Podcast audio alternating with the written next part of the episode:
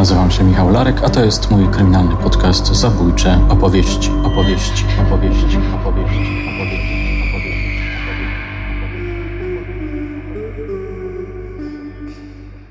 Sprawa Andrzeja Zauchy.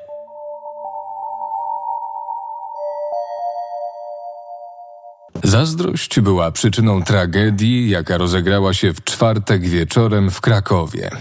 O godzinie 21 zakończył się spektakl Pan Twardowski w Teatrze Stu.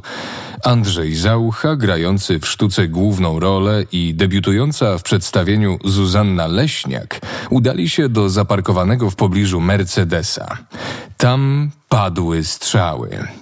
Strzelał mąż aktorki, obywatel francuski, 31-letni Yves Michel Gulle-Leśniak.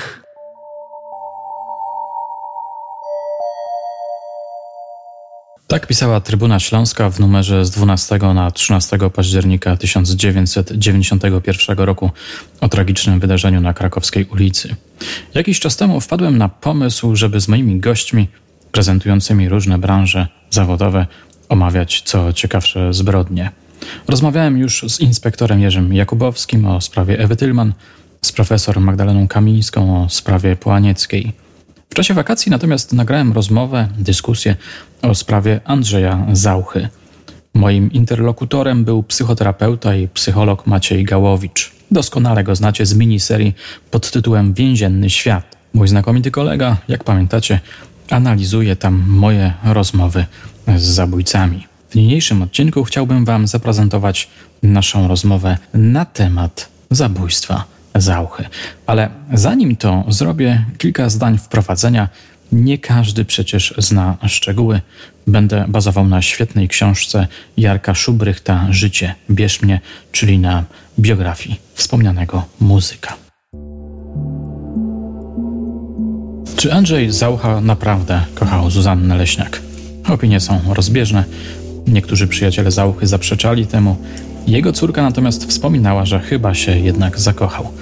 Tak czy owak nawiązali romans. Wybitny wokalista z młodą aktorką, żoną francuskiego reżysera, cała trójka znała się od 1988 roku. Ważny moment tej tragedii to czerwiec 1991 roku, kiedy Yves, jak pisze Schubrecht, po raz pierwszy powziął podejrzenie. Tego dnia mianowicie zobaczył, jak żona wsiada do auta Zauchy. Kiedy zagadnął ją wieczorem, jak dojechała do pracy, odparła, że tramwajem. Przyjął do wiadomości to kłamstwo, powstrzymując się od riposty. Gule nie chciał drążyć tematu, bo wstydził się swojej nadmiernej, nieuzasadnionej zazdrości, ale zapamiętał to zdarzenie. Tak napisał Schubrecht. Fraza zapamiętał to zdarzenie brzmi złowrogo, gdy się dzisiaj je odczytuje. Potem przyszedł wrzesień 1991 roku. Dziewiątego dnia tego miesiąca Yves, który był służbowo we Włoszech, zadzwonił do Zuzanny, informując ją, że nazajutrz wraca do Polski, do Krakowa. 10 września doszło do dziwnej sytuacji. Reżyser staje przed drzwiami ich wspólnego mieszkania przy Placu Szczepańskim. Po dziesiątej naciska klamkę, ale czuje opór. Widzi jednak, że klucz tkwi w zamku włożony od wewnątrz. Dobija się, wyważa drzwi, wpada do środka, a tam widzi zauchę, bez butów. Zuzanna siedzi na materacu, wścieka się, uderza dwa razy w twarz zauchę, który nie broni się. Wybucha kłótnia, zbiegają się sąsiedzi. Zaucha opuszcza mieszkanie, mówiąc: Twoja żona jest chora na serce i musisz się nią opiekować. Gule rzuca, że będzie musiał go zabić. Tak się zaczął ostatni miesiąc życia Zuzanny i Andrzeja napisał Schubrycht. Zuzanna zamieszkała w pokoju ulokowanym w Teatrze Stu przy Alei Krasińskiego, ale utrzymywała kontakt z mężem. Były telefony, spotkania. Aktorka podobno przyznała się do romansu z Zauchą. Te kontakty nie wyciszyły emocji. W rozgorączkowanej głowie rodzi się decyzja. Zabije piosenkarza. Pojechał do Francji. Tam kupił karabin, który skrócił, żeby był bardziej poręczny. Gdy wracał do Polski i przekraczał granicę, broń obowiązana szmatą leżała w bagażniku. Po powrocie kontaktował się z żoną, ale sytuacja między nimi nie poprawiała się. Schubrecht pisał w swojej książce, że Zuzanna próbowała załagodzić konflikt, ale bezskutecznie. Co ciekawe, Gule miał się jej przyznać, że kupił broń. Nosił ją przy sobie w torbie. Krążył po mieście, wyczekując momentu, w którym mógłby dać wyraz swojej zabójczej wściekłości. W tym czasie Zaucha żył w strachu przed reżyserem, podobno autentycznie się go bał. Z tego co pisze Schubert, pierwszy raz zaczaił się na Zauchę i Leśniak 9 października pod pokojem, w którym pomieszkiwała. Czekał godzinę, w końcu zrezygnował. Zaatakował następnego dnia, 10 października. Pojawił się na parkingu przy ulicy Włóczków nieopodal Teatru Stu, gdzie tego dnia grano pana Twardowskiego z udziałem Zauchy i Leśniak. Czekał na nich w samochodzie. W pewnym momencie dostrzegł idącego Zauchę, potem biegnącą za nim małżonkę. Gdy go wyminęli, wysiadł z samochodu i podążył za nimi. Palec trzymał na spuście. Wkrótce doszło do tragedii. Padło dziewięć strzałów. Jan Szajnowski miał akurat dyżur na parkingu. Andrzej Zaucha zawsze parkował u nas. Zapytał się mnie, ile płaci. Powiedziałem, aby poszedł po bloczek. Wszedłem do budki i usłyszałem jakieś krzyki.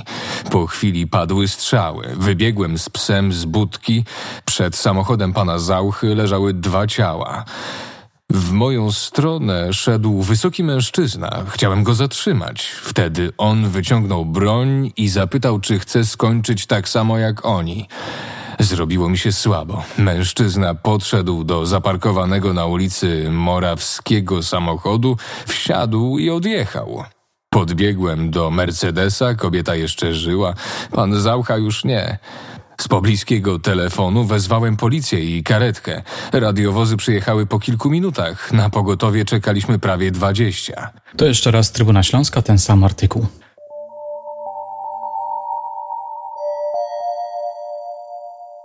Maciek, to ty w sumie zaproponowałeś naszą rozmowę o zabójstwie Andrzeja Zauchy. Kiedyś rozmawialiśmy o takich, rozmawialiśmy o takiej liście jakby ciekawych z punktu widzenia również psychologa zabójstw. I przyznam, że bardzo zaintrygował mnie pomysł, żeby zacząć od Zauchy, tego rodzaju omawianie.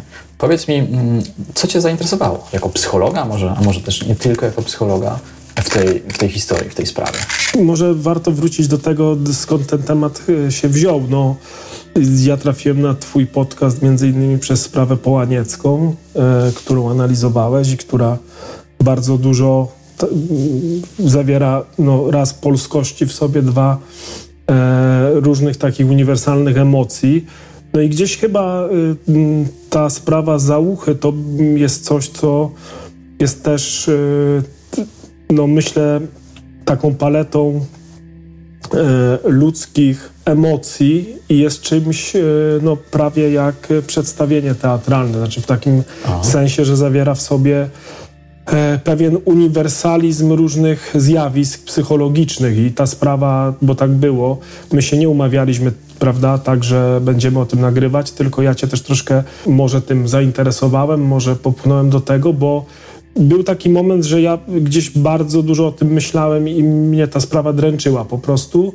No też z tego powodu chyba się poznaliśmy, że, że różne rzeczy y, po prostu są dla nas interesujące, ale ta sprawa jest w pewien sposób, no, jest na pewno bardzo przejmująca i dla mnie jakoś y, trochę się cieszę, że już dzisiaj nagrywamy i że mogę będę mógł przestać myśleć o tym. Mhm. Teraz przed chwilą użyłeś słowa dręczyła, ale to słowo co jakiś czas pojawia się w naszych rozmowach i ty generalnie zaprezentowałeś mi się jako taki psycholog, który e, e, interesuje się sprawami, czyta, ogląda o nich, i, ale z takim też emocjonalnym nastawieniem. Raz po raz mówi, że coś tam cię jakoś tak nie wiem, dręczy właśnie. Co cię, co cię dręczy w sprawie Zauchy. To jest chyba kwestia trochę może moich zainteresowań, troszkę może no, jak u każdego z nas y, mojego doświadczenia rzeczywistości, no ale ta historia jest przede wszystkim y,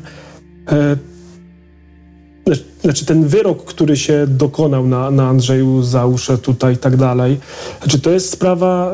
Y, wyrok, czyli zabójstwo, tak? Tak, no ale mówię wyrok patrząc na to, ile on, prawda, dostał też kul. I chodzi mi o to, że ta sprawa w swojej, no ja tak, y, żebym był dobrze zrozumiany, prostocie jest tragiczna, to znaczy w swojej prostocie, bo wydaje mi się, że tutaj ten zestaw uniwersalnych emocji, które pojawiają się w, w, w tej sprawie, to znaczy od nienawiści po zazdrość, przez y, namiętność i różne inne odczucia, to, to jest uniwersalny zakres tego, czego my jako ludzie doświadczamy, prawda?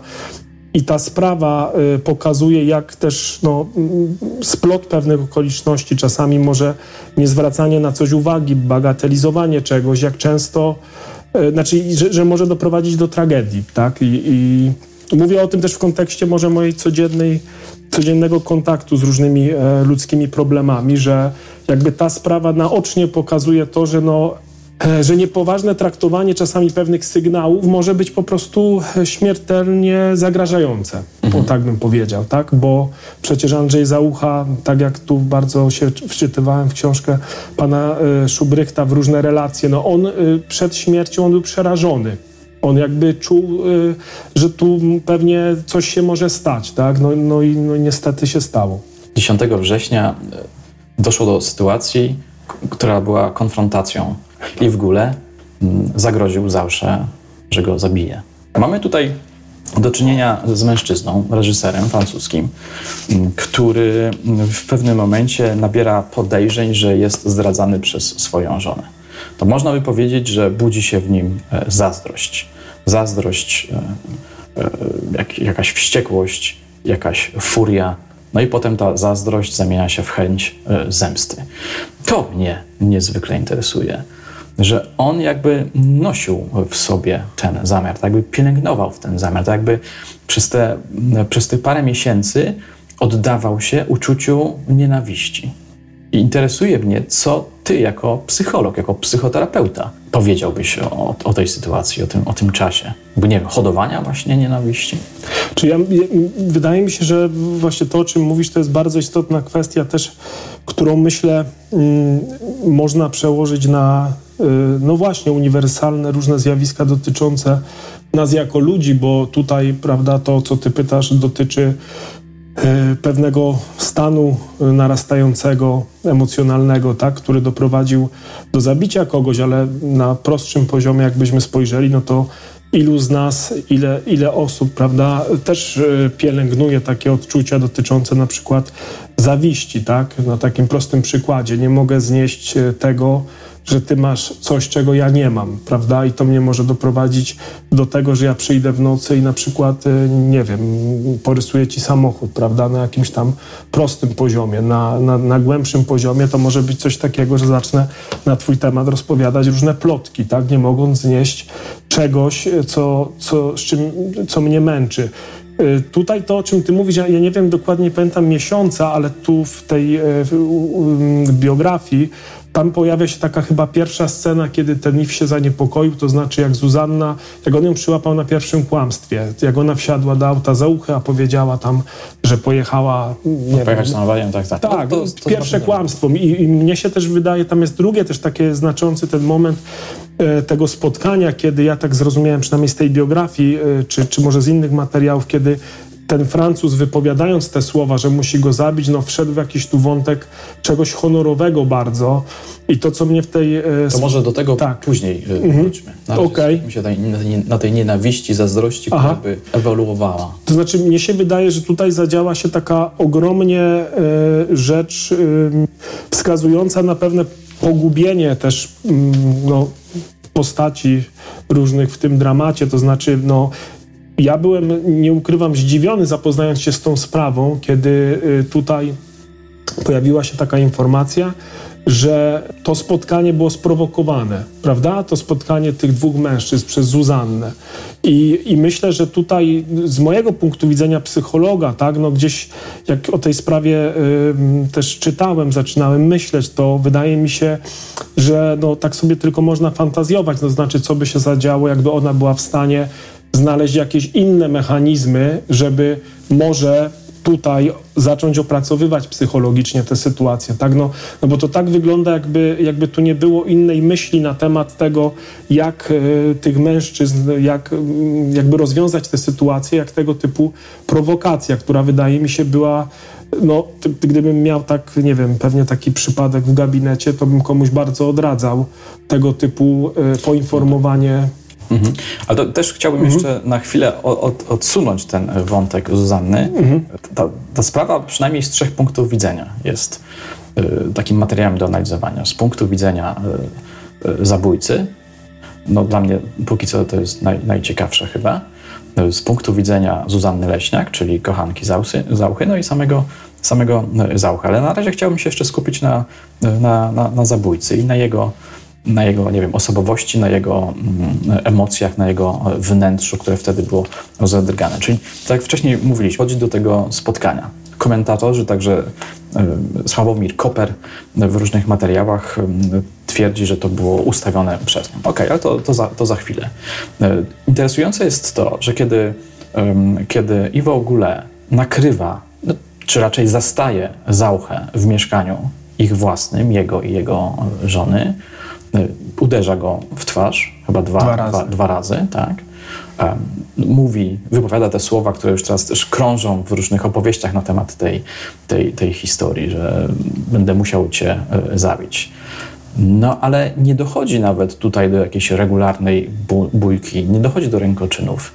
Gdyby ta historia wtedy się zakończyła, to, to ja bym to chyba nie miał, to ja bym to zrozumiał. To, to, to byłoby dla mnie oczywiste ktoś nakrył kogoś, choć nie wiemy, czy Zaucha i Zuzanna Leśniak wtedy y, uprawiali e, seks. Na pewno go zaprosiła, na pewno z nią spędził czas, ale co tam robili, to my tego nie wiemy i to chyba nie zostało ustalone. Przynajmniej ja nic na ten temat nie wiem.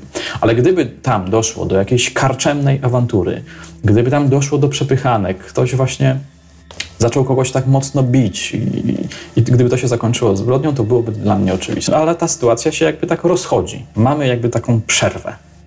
I interesuje mnie, jak psycholog patrzy na, na rozwijanie się y, tych złych emocji, kotłujących się emocji w umyśle czy w sercu, nie w duszy człowieka.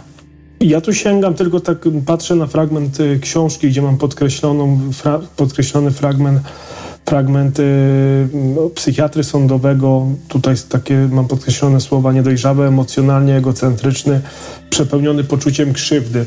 To znaczy mnie się wydaje, że mm, ten miesiąc, tak, bo to gdzieś tak tyle trwało, to, to był jakiś już taki efekt y, końcowy pewnego, sta, pewnego stanu psychicznego, który rozumiem, zresztą tak jak on tu wszędzie też mm, no, podkreśla ten, ten zabójca, tak, który związany był z tym, że ja bym sobie to wyobrażał na poziomie psychologicznym, że to jest taki stan niemożności zniesienia pewnego yy, yy, niemożności zniesienia czegoś. Znaczy to mógłbym ci to przełożyć na może taki przykład prostszy, taki bardziej yy, mniej związany z zabijaniem, tak, że no, no wyobraźmy sobie sytuację, nie wiem, czy znasz takie, miałeś w swoim życiu, podejrzewam, że tak, kiedy twoje serce zostało zranione tak, nawet dzisiaj sobie robiłem notatki y, ostatnie do naszej rozmowy, że doskonale rozumiem kogoś, kto utracił miłość.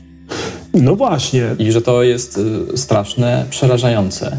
Straszne i przerażające, a w tej sytuacji jeszcze trzeba tutaj dodać ten aspekt, że który wydaje mi się, i ja przynajmniej też o tym tak myślę, czasami jak y, pracuję z parami, tak, mam to w głowie, że oni byli jednak w jakimś związku formalnym, prawda?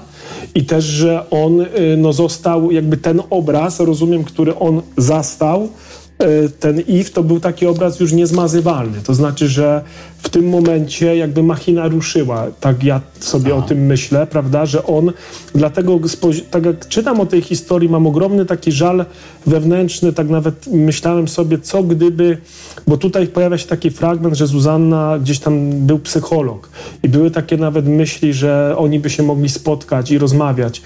Także tutaj ten obraz, wydaje mi się, on z taką siłą e, no, pojawił się jako, mm, no, wyrył się na umyśle tego męża, że po prostu on nie był w stanie go usunąć inaczej. Zresztą tu jest taki fragment, tak, że on y, miał dwie myśli, albo siebie zabije, albo kogoś. Tak, tak. Czyli to jest taki stan często, który, no, rozumiem, na przykład doprowadza kogoś też do autodestrukcji, tak? Czyli, że po prostu ja nie mogę sobie wyobrazić siebie w innym wariancie. Na przykład ja nie mogę sobie wyobrazić tego, że będę kiedyś szczęśliwy, jak moja y, kobieta na przykład mówi mi, że już mnie nie kocha, tak? I jakby to jest taki, taka, taki bezkres zalewających uczuć, bez możliwości po prostu znalezienia oparcia w umyśle. Ja tak sobie o tym myślę, no bo przecież ten e, zabójca to nie był jakiś e, ograniczony umysłowo człowiek, tylko inteligentny facet, który dobrze wiedział jakby co go czeka. I zresztą tu jeszcze tylko taki jest fragment, tak, że który gdzieś znalazłem, że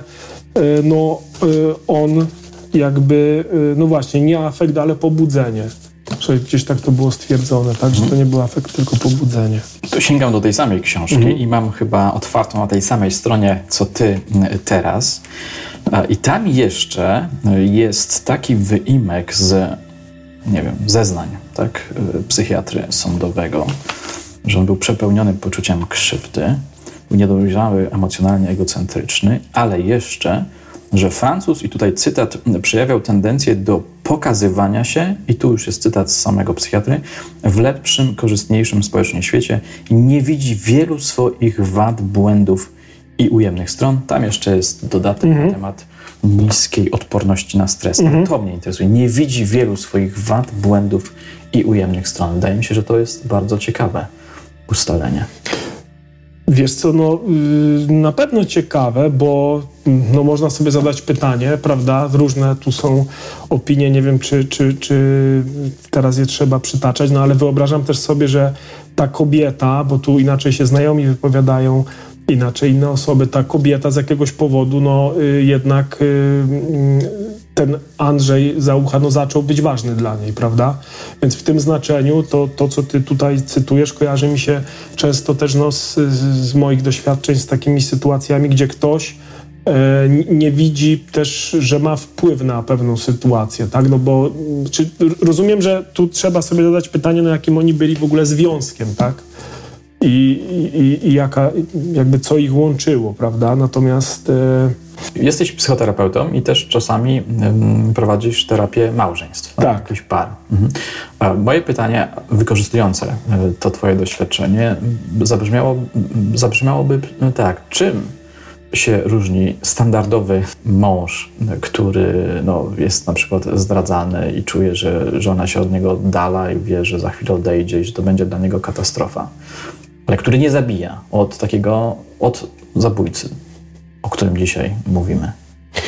Wiesz co, to gdybym miał odpowiedzieć tak pierwszymi skojarzeniami, bo tak też y, robię, bo rozmowę mamy swobodną, to wydaje mi się przede wszystkim tym się różni standardowy mąż, który nie zabija, od takiego, który zabija, że na przykład nie jest psychopatyczny, że na przykład nie jest, nie wiem, narcystyczny, tak? W takim sensie pewnej uraźliwości y, niemożliwej do zniesienia.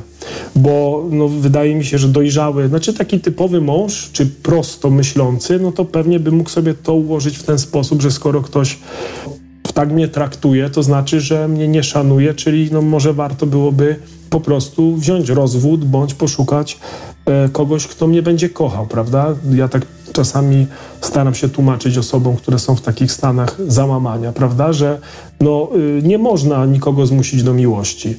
I myślę, że no, standardowy mąż, tak nie wiem, to w tym wypadku to jest komplement, ale typowy, no po prostu nie, nie będzie rozważał takiego wariantu, ponieważ y, będzie mógł szukać innych y, prób rozwiązania tego wewnętrznego stanu, prawda? Natomiast w sytuacji, kiedy jesteś w jakiś sposób, no tak sobie na przykład wyobrażam to, prawda? Uraźliwy do tego stopnia, czy uraźliwy, e, cienkoskórny, w takim sensie, że odbierasz rzeczywistość jeden do jednego, w takim znaczeniu też trudności w opracowywaniu e, pewnych stanów psychicznych, no to jeżeli ci coś zrobiono, ty tego nie odpuścisz. M, Taki prosty przykład, który z życia bym podał, to jest na takiej zasadzie, że jak jesteś z, szefem i masz zdrowego, prawda, jak przyjdzie do ciebie pracownik i powie, panie Michale, uważam, że pan jest niesprawiedliwy w stosunku do mnie, to ty będziesz mógł z nim myśleć o tej sytuacji. Spytasz go, dlaczego pan tak uważa. Jak jesteś uraźliwy, jak jesteś e, nie do końca dowartościowany, może zakompleksiony, nie, nie wiem, myślę, że możesz sobie zapamiętać tego pracownika i srogo mu dopieprzać potem, do końca jego dni w tej fabryce, prawda? To nie wiem, Tak, czy dobry no, przykład, ale chodzi mi o to, że... takie historie. Chodzi mi o to, że dla mnie na przykład jest ogromnym uproszczeniem psychologicznym tej sytuacji to, że tutaj się po, ten kodeks Napoleona pojawia tak, y, który to uzasadniałby sytuację, kiedy my, mm, znaczy w kontekście no, kraju, z którego pochodzi zabójca, uzasadniałby sytuację, że po prostu e, no, my zabijamy kogoś, bo zastajemy go e, w sytuacji dwuznacznej z naszą żoną. Myślę, że to jest jakiś czynnik, ale nie powiedziałbym, że to, no nie wiem, no wydaje mi się, że po prostu psychika jest bardziej złożona, no. Ale też jest jednak warunkowana y, kulturowo. No na y, pewno. Bardzo, bardzo mocno. Znaczy- Znamy przecież kraje, gdzie ten typ y, mężczyzny y, macho, który posiada kobietę i rości sobie prawa, jest jakby utwierdzany przez kulturę i to ma wpływ na stosunki panujące między kobietą a mężczyzną. No tak, też w takim kontekście, prawda, sytuacji często bez wyjścia dla kobiety. Tak, bo ty teraz wspomniałeś o tym wątku kulturowym. Tak. To warto podkreślić, że w różnych opracowaniach, komentarzach i także w książce, która chyba teraz jest dla nas takim najważniejszym punktem odniesienia, czyli książce Jarka Szubrychta Życie Bierz mnie. Jest taki wątek, pojawia się on. Mowa jest tu o tak zwanym kodeksie Napoleona, ja może przeczytam ten fragmencik, bo on jest niezwykle ciekawy. Tymczasem narodowość sprawcy mogła nie, nie być bez znaczenia. Kodeks karny Napoleona z 1810 roku zawierał artykuł 324 dopuszczający zabójstwo niewiernej żony jej kochanka z ręki męża, który przyłapał, na ich, przyłapał ich na inflagranti. I tutaj jeszcze jest taka informacja, że ten przepis, który skopiowano do innych państw, we Francji został zniesiony w 1975 roku. Autor mówi, że no, ta jakby, no, no ten przepis zdążył się głęboko zakorzenić w mentalności Francuzów. Ale ty byś jakby osłabiał siłę tego czynnika, jak rozumiem, tak?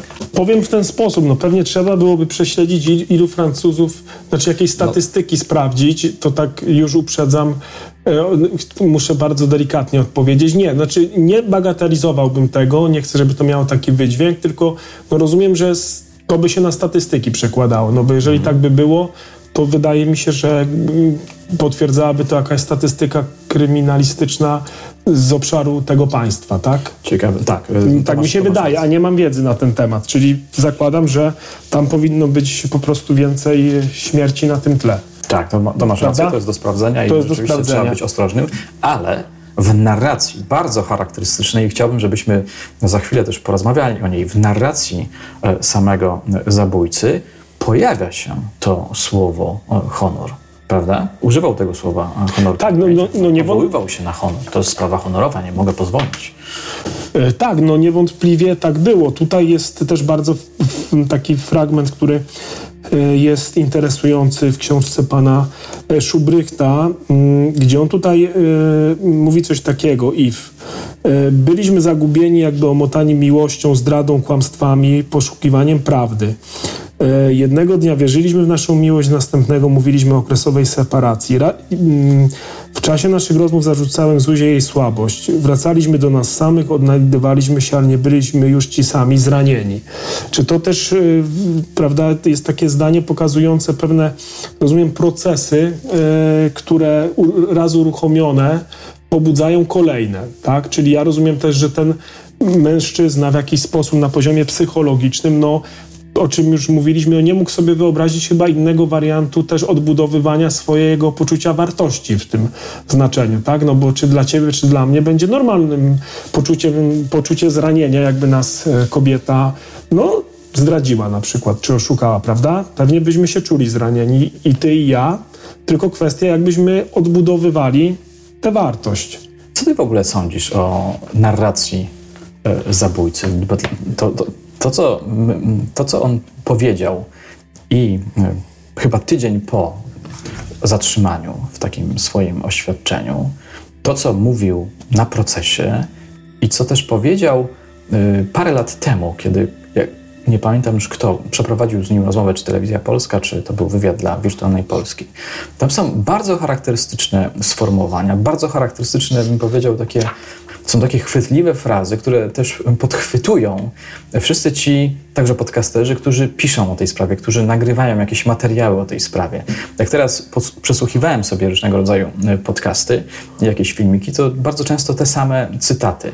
Ale ten cytat, który ty podrzuciłeś mhm. przed chwilą, zacytowałeś, no to też, jest, to też jest bardzo wymowne. W moim przekonaniu on tu robi z tego jakąś wielką literaturę, jakąś taką właśnie jakiś dramat, tragedię. No tak, no byliśmy... Nie ufam mu. Byli, nie, ufam mu. Byliśmy zagubieni jakby omotani miłością, zdradą, kłamstwami, poszukiwaniem prawdy. No właśnie, ale to też... Poszukiwanie prawdy. No właśnie, ale byliśmy omotani, prawda, kłamstwami. Czy dlatego tu wcześniej rozmawialiśmy o jakości relacji. Tak? To znaczy, no myślę, że w kontekście tego, co cytowałeś, czyli nie widzi wielu swoich wad, błędów, ujemnych stron. Wiesz co, nie, no ja się, ja się z tobą zgadzam, no to już są kwestie oczywiście, o których można dyskutować, tak jak to, czy ta kula była przeznaczona dla niej, czy nie była przeznaczona, prawda, dla Zuzanny, ta jego, ten język, którym się posługuje, no myślę, że to może być jakiś rodzaj, prawda, no nie chcę powiedzieć zasłony dymnej, bo pytanie przed czym, skoro odsiedział wyrok, ale to troszkę wracam... Mordercy do końca życia przecież yy, próbują jakoś zadbać o swój yy, wizerunek. No co pokazują twoje rozmowy, prawda? Co pokazują moje rozmowy, oczywiście. Na przykład z zakładu karnego. Nic im się nie stanie, już, mhm. nic im się już nie stanie, kiedy na przykład spojrzeliby bardziej krytycznie i obiektywnie na swoją, na swoją zbrodnię, na swój postępek, ale tego nie robią. Mhm. Więc ja i właśnie powoła, przywołałeś te moje rozmowy. No i z moich rozmów z nimi, a także z komentatorami wyciągam wniosek, że człowiek, nawet jeśli nic mu nie grozi, w związku z jego jakąś tam działalnością, z jakimś czynem, zawsze będzie próbował to, tą swoją działalność, ten, ten swój czyn opisać trochę łagodniej, trochę spokojniej. W moim przekonaniu to, co robi zabójca w swoich opowieściach w ciągu całego tego e, czasu, od zabójstwa do w sumie e, dzisiaj, to on, co on robi? On opowiada o on opowiada o tej historii tak, jakby nad nim zawisło fatum, jakby on musiał to zrobić, jakby on przeżył coś, co jest niebywale oryginalne, odmienne, jedyne w swoim rodzaju, że jakby wpadł w wir wydarzeń, które nie mogły się inaczej zakończyć. Dopiero dziś, to mówił na procesie, dopiero dziś mogę powiedzieć, że potrafię pojąć coś takiego jak Auschwitz. Mogę to zrozumieć od strony kata. Jestem humanistą i antyrasistą, ale doświadczyłem zła. Nie wiem, czy tak, z takiej podróży można całkowicie powrócić. Ja kojarzę ten fragment z Auschwitz. Bo tak. każdy to kojarzy, bo to są właśnie takie, to są takie, takie tego rodzaju fragmentów, cytatów, chwytliwych słów, taki, tak, jest ze Czy pokazujących pewien proces, rozumiem, przemiany. Ja bym nie powiedział tu o żadnej przemianie. Znaczy, ale chodzi mi o warstwie słowa. Tak, która, no pytanie, co by mia- tak jakby jaką funkcję by miała ta narracja? No może, żebyś ty jako odbiorca jednak pomyślał, że tu zaszła przemiana, tak? Czy masz inne A, rzeczywiście, no tak, to okej, okay. funkcją tego, tej, tej, tej, tej narracji, tej konwencji pewnie jest pokazanie, że on rzeczywiście przeszedł y, przemianę. Z, z kogoś, kto nie poradził tak. sobie, z potężnymi emocjami, y, w człowieka, który już wszystko rozumie i jest bardzo zdruzgotany. Ja nie wątpię w jego skruchę. Nie wiem, czy jest rzeczywiście skruszony, ale zakładam, że jest skruszony. Ale uważam, że to, co on mówi, jest podejrzane, że coś mi tam nie pasuje, coś mi tam trochę śmierdzi. W tym fragmencie powołanie się na Auschwitz jest y, wstrząsające i no, bardzo naciągane. Ale tu jest jeszcze jedna rzecz. On Aha. tu mówi, doświadczyłem zła. No rozumiem, że bycie zdradzonym nie, może być odbierane jako złe, no ale to jest, to jest wpisane w ludzką naturę, że jedni, że, że czasami miłość się kończy. Co on tutaj na, na, napisał, nie wiem, czy z takiej podróży można całkowicie powrócić. No to, tutaj, to, no, no to, to jest może najbardziej prawdziwy fragment, no bo, no bo powrócić z, z ze świata, gdzie się kogoś zabiło, do innego świata, czy do swojego człowieczeństwa jest naprawdę bardzo trudne. Ale tu budzą moje, moje opory te dwie rzeczy. Przywołanie kontekstu Auschwitz i stwierdzenie, że doświadczyłem zła. No i... Bo doświadczają zła ofiary, gwałtów, ludzie, których kraj obejmuje wojna. Tylko tu znowu wracamy do konstrukcji psychicznej, tak? Może w tym jego doświadczeniu rzeczywistości to to było zło, no bo jak tu nam ten kodeks wchodzi, a kodeksu się nie łamie, prawda, no to... to, to ale to wtedy pokazuje, że ten kodeks tu w nim gdzieś yy, jest. był. Jest. Ale wiesz co, też tak jak o tym mówisz, ja swobodnie myśląc o, o tym, co ty teraz y, cytujesz, tak, no ale też myślę sobie, że to doświadczenie zła, jeżeli przyjąć jakby pewien stan umysłu, znaczy on i, doświadczył zła i uczynił zło, prawda? Jest gdzieś taki film na YouTubie, bo tu sobie zapisałem tytuł, Byłem demonem zła w tym jest jakaś taka zewnętrzność troszkę, czyli to nie ja, to był demon. Prawda? To znaczy, wydaje mi się, znaczy ja cię rozumiem tutaj. Aha, chyba, że on tu mówi doświadczenie zła w sensie, że popełniłem. Właściwie wiesz co, nie wiem jak to interpretować, bo myślę, że i tak, i tak, gdybym miał swobodnie to interpreto interpretować, y, tak, ale też wydaje mi się właśnie, że tu jakby na to nie patrzeć, to jest pewien, myślę, uniwersalny stan umysłu i ty też chyba tu ważną rzecz poruszasz, bo moim zdaniem, no, to, co nas ogranicza w tej sytuacji, jak my o tym rozmawiamy, to jest to, że no, my troszkę analizujemy, prawda, prawie że tragedię grecką, pewien mit i, i, i te postacie, których my nie znamy, to ja taką, taką miałem fantazję, prawda, że znaczy to tak jakby były to postacie literackie wręcz, to o czym my rozmawiamy dziś, bo jesteśmy to, ograniczeni. tak, tak, bo to, ale to bo... sam sprawca podrzuca taki, tem, taki, no, taki trop. No tak, On ale tak to opisuje. Ale też myślę, że cała ta opowieść jest taką opowieścią, prawda, która, tak jak na początku powiedziałem o tym, o, o tym dramacie dziejącym się, że tu jakby jest tyle różnych mechanizmów zawartych w, te, w tej historii, tak, że yy, no, wydaje mi się, jest tu bardzo wiele wątków. Jeszcze jeden cytat chciałem Ci zaprezentować. Bardzo ciekawy i bardzo wymowny. To cytuję za artykułem bardzo ciekawym, który znalazłem na stronie e-teatr. Tytuł brzmi Zazdrość i zbrodnia. W końcu wyszedł w, grudniu 2005 roku, mhm. 10 miesięcy przed końcem kary. Pierwszego dnia wolności nie świętowałem szampanem. Tak zrobiłby ktoś bez sumienia, bez serca, ale nie ja. Mówił mi wtedy w rozmowie telefonicznej. Dodał, że dla niego to chwila zadumy, refleksji, co zostawia za sobą. Czy żałuje? Wciąż jestem przerażony tym, co byłem zdolny zrobić. Ja, reżyser, na co dzień obcujący z Szekspirem i Molierem, powinienem wiedzieć lepiej od innych, co to znaczy zabić. Gdyby czas można było cofnąć, nie dokończył. No i to już można bardziej interpretować, bo co to znaczy ten obcujący z Molierem? Tak? Nie wiem, co o tym myślisz. No tu... Znaczy, bo to troszkę tak, jakby to była inna kategoria, że jak obcujesz z Molierem, to, to co, jesteś bardziej odporny na... No właśnie, to może pokazuje nieznajomość siebie, prawda? Bo, bo ja nie uważam, że y, obcowanie z literaturą piękną, ani jakikolwiek, y, nie wiem, tytuł w tym wypadku, nie wiem, na przykład y, naukowy, tak? Y, y, jest dowodem na, na to, że ty cokolwiek pojąłeś na temat życia i na temat siebie. Znając bardzo dobrze literaturoznawców, mogę stwierdzić, że czytanie literatury wcale nie sprawia, że stają się bardziej szlachetni ludzie, wręcz odwrotnie, ale to tak na marginesie, taka Aha. złośliwa, może odrobinę e, uwaga, e, ale e, tego rodzaju wypowiedzenia pokazują, że on bardzo mocno żył w świecie literatury Mm, I jak wcześniej rozmawialiśmy o tym kodeksie honorowym Napoleona, że on mógł jakoś wpłynąć, tak. mógł podsycić w nim, słuchaj, no musi, to jest prawo, masz prawo, yy, masz prawo zawalczyć o swój honor. I nawet jak to był jakiś diablik, chochnik gdzieś siedzący w, w głębi, to on mógł to podpowiadać. Ale według mnie to, jak on się zaprezentował w czasie procesu poprzez yy, no, swoją elokwentność, poprzez takie właśnie piękne sformułowania, e, poprzez takie odniesienia do literatury, może zasugerować jeszcze coś innego, właśnie, że jemu literatura to podpowiadała, te opowieści, nie wiem, filmy, takie, takie rozwiązania, że to był, to był jakiś jeden z e, czynników. No, czy, czyli taka, no, okej, okay, czyli to mówilibyśmy o takim, prawda, też wyposażeniu we, wewnętrznym, tak? Wewnętrznym tak? i zarazem kulturowym, bo to się no, ze sobą no, no, tak, no bardzo jest to prawdopodobne. No dobrze, a y, po, porozmawiajmy przez chwilę jeszcze o Zuzannie e, tak. Leśniak. Powiem w ten sposób, że pewnie wszystkie osoby, które interesuje ten temat, które jakby, no może słuchają też tego podcastu ja bym odesłał, bo jakby, zresztą tu pisze o tym też pan Szubryk, ale ja sobie to gdzieś włączyłem i, i dlatego mnie ta sprawa jakoś tak y, bardzo przejęła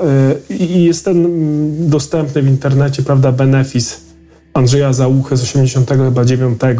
Tak, dzisiaj nawet oglądałem. Tak, bo ja usilnie starałem się też znaleźć materiały, chciałem poznać tę kobietę. Nie, nie ma wielu materiałów.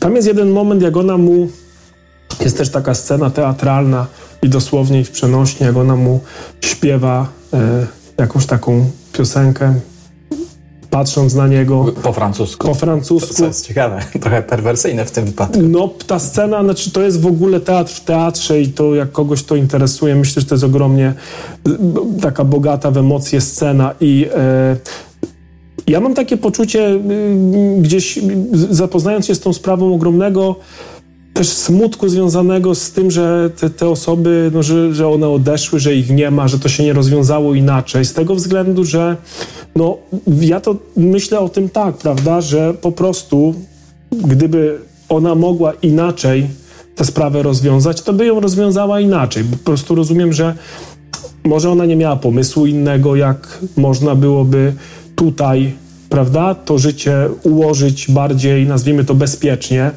I wydaje mi się, że no ta, ta sytuacja z tym sprowokowaniem spotkania, no ona pok pokazuje. Mm, yy, ogromne, no, no, takie uniwersalne zjawiska, chociażby jak takie no, pomieszanie wewnętrzne, prawda? Tutaj gdzieś ten psycholog się wypowiada w książce, tam, który, nie wiem, czy pracował z nią, także on sugerował y, takie spotkanie, które by mogli odbyć mhm. we trójkę.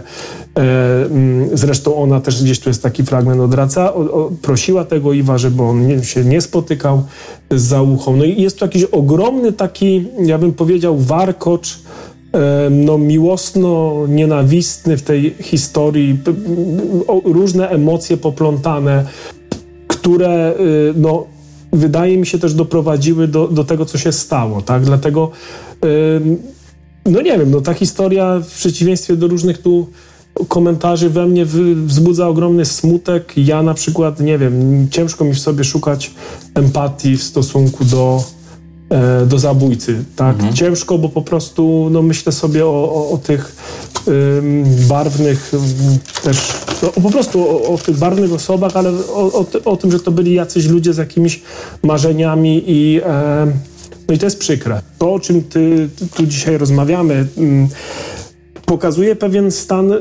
no, ogromnego pomieszania, które ktoś ma w sobie. Kiedyś usłyszałem taką Wydaje mi się mądrą rzecz, którą powiedział mi yy, yy, ktoś z branży mojej, tak, że no nie każdą, e, nie każdy romans można nazywać romansem, a nie każdą zdradę zdradą. Rozwinę myśl, o co chodzi.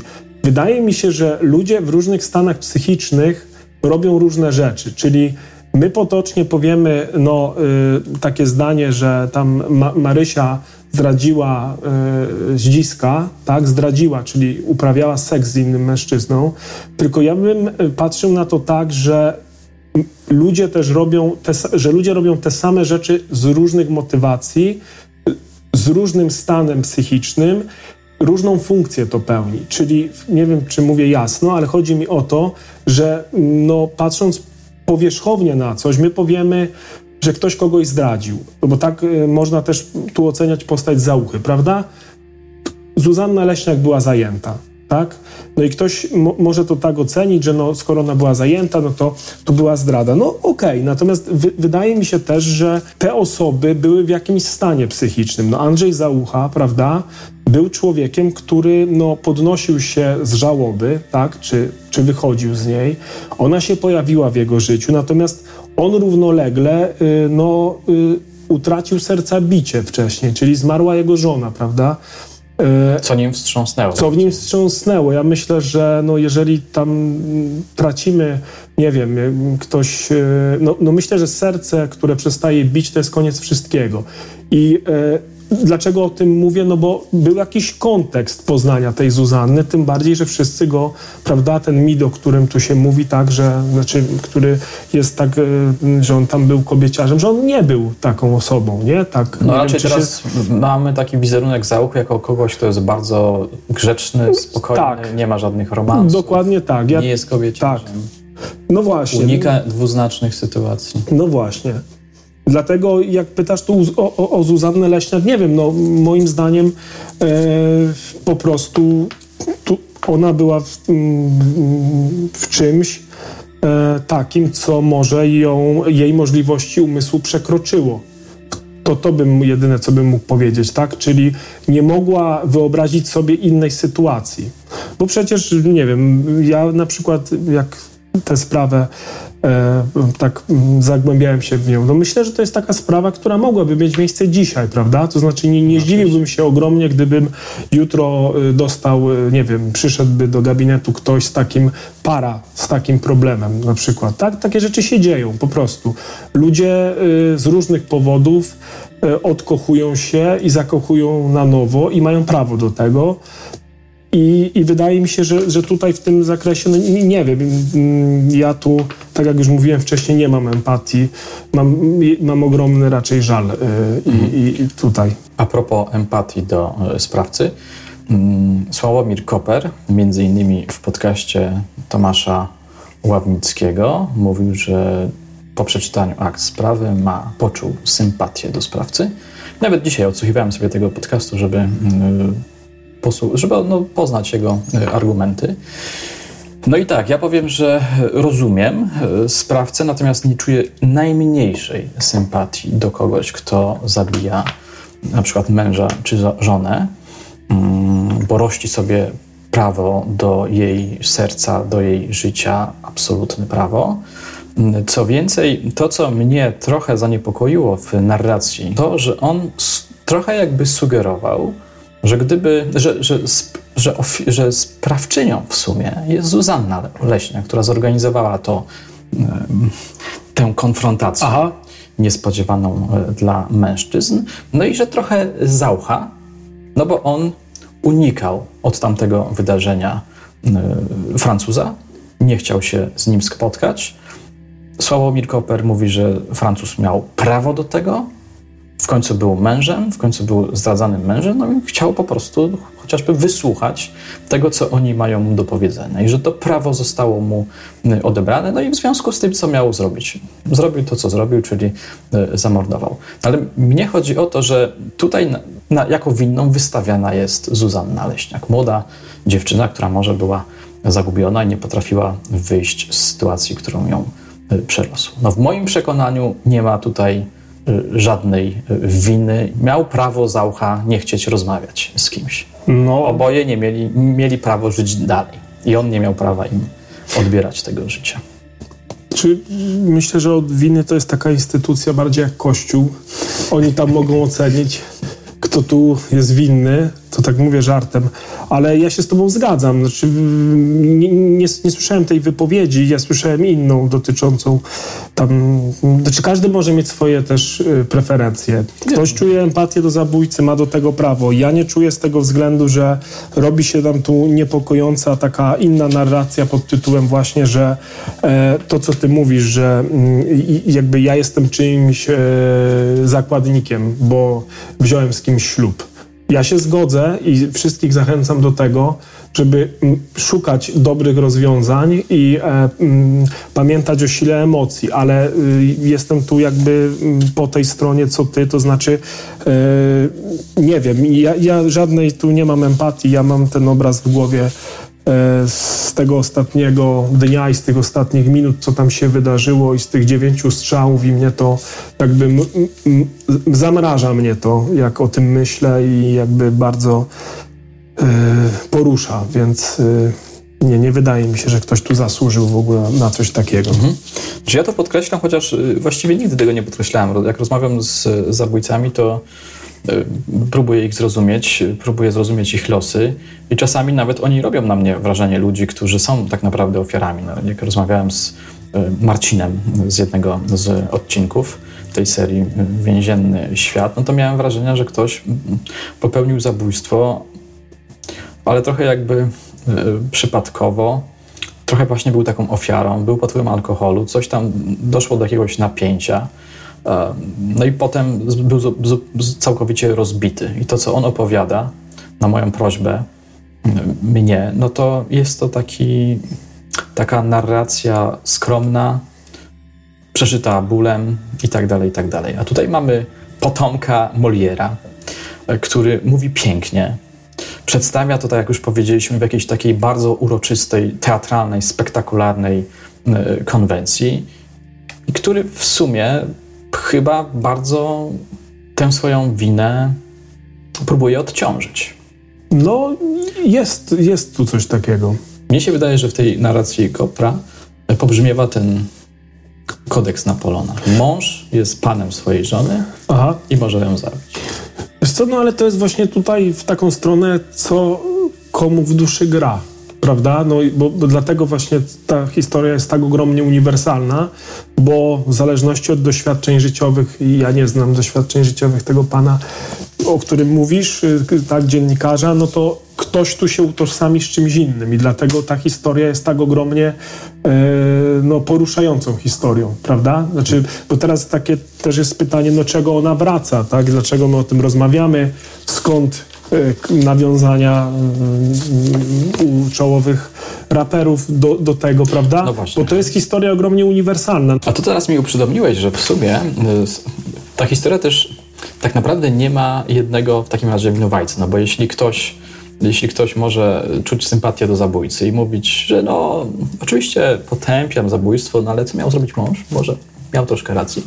To to mi teraz uzmysławia, że no właśnie, każdy z nas może być jakby zwolennikiem jednej z tych trzech stron.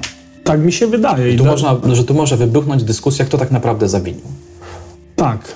Bo tak. dla mnie zawinił zabójca, ale dla innych Dlatego, dlatego mm, cały czas też mówię właśnie i rozmawiamy o interpretowaniu pewnych uniwersalnych zjawisk, bo myślę, że każda z tych postaci tu nosi w sobie inny dramat, tak? No bo inny jest, jest tych dwóch mężczyzn, którzy utracili kobiety, tak? Izaucha i Iw. Mhm. Jest y, ta Zuzanna, która, no, kobieta takim, no, wchodząca w życie dopiero, tak?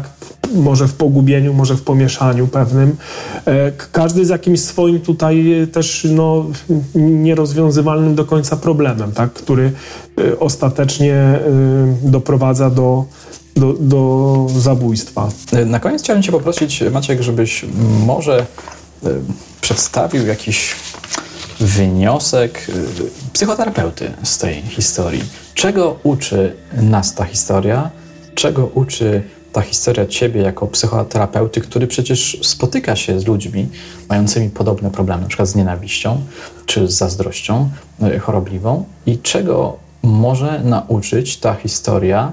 Oczywiście to jest takie myślenie idealistyczne, pewnie niczego nikogo nie nauczy ta historia, ale czego może nauczyć ta historia no, ludzi, którzy mają podobne problemy? Trudne pytanie, yy, ciekawe pytanie.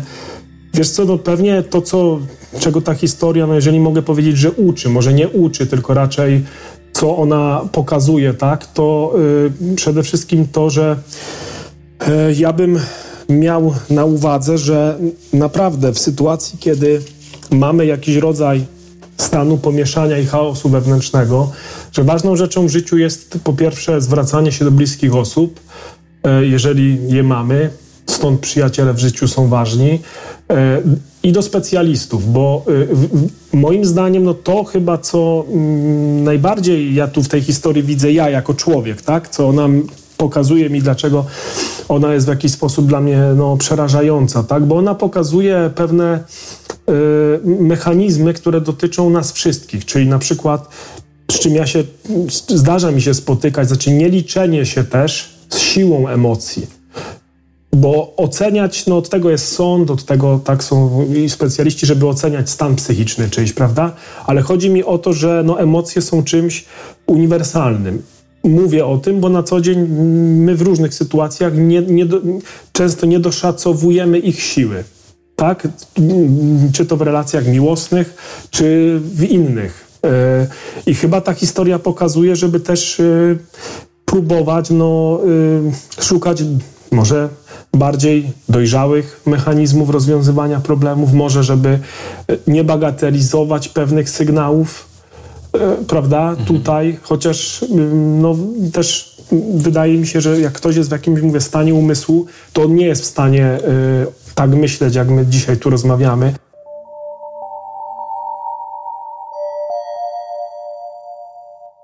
Yves Michel Gule Leśniak od razu przyjechał pod komendę policji Kraków Zachód przy ulicy Krakowskiej 2.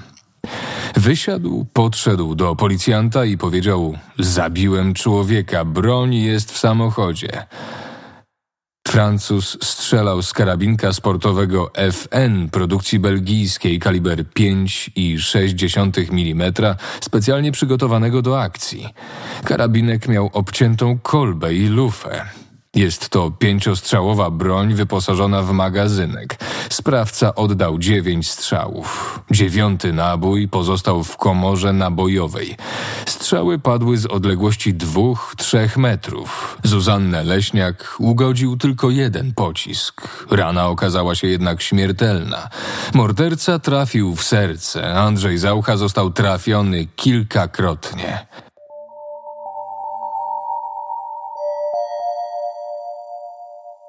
To był jeszcze jeden fragment pochodzący z artykułu opublikowanego na łamach Trybuny Śląskiej. Moje drogie, moi drodzy, o tej sprawie można by jeszcze dużo mówić, ale myślę, że na dzisiaj wystarczy. Jestem bardzo ciekaw Waszych wniosków, spostrzeżeń, przemyśleń. Podzielcie się nimi publicznie albo w prywatnych wiadomościach. Mnie utkwiła bardzo mocno w głowie jedna uwaga Maćka Gałowicza, że niedoszacowanie cudzych emocji może zakończyć się tragedią. Oto wydaje nam się, że ktoś jest normalny, a tymczasem okazuje się, że w konfrontacji z jakimś przykrym albo bardzo przykrym wydarzeniem zamienia się w agresora. Morał? Nigdy nie wiemy, z kim mamy do czynienia. Na dzisiaj to wszystko. Dziękuję za uwagę. Do usłyszenia już niebawem.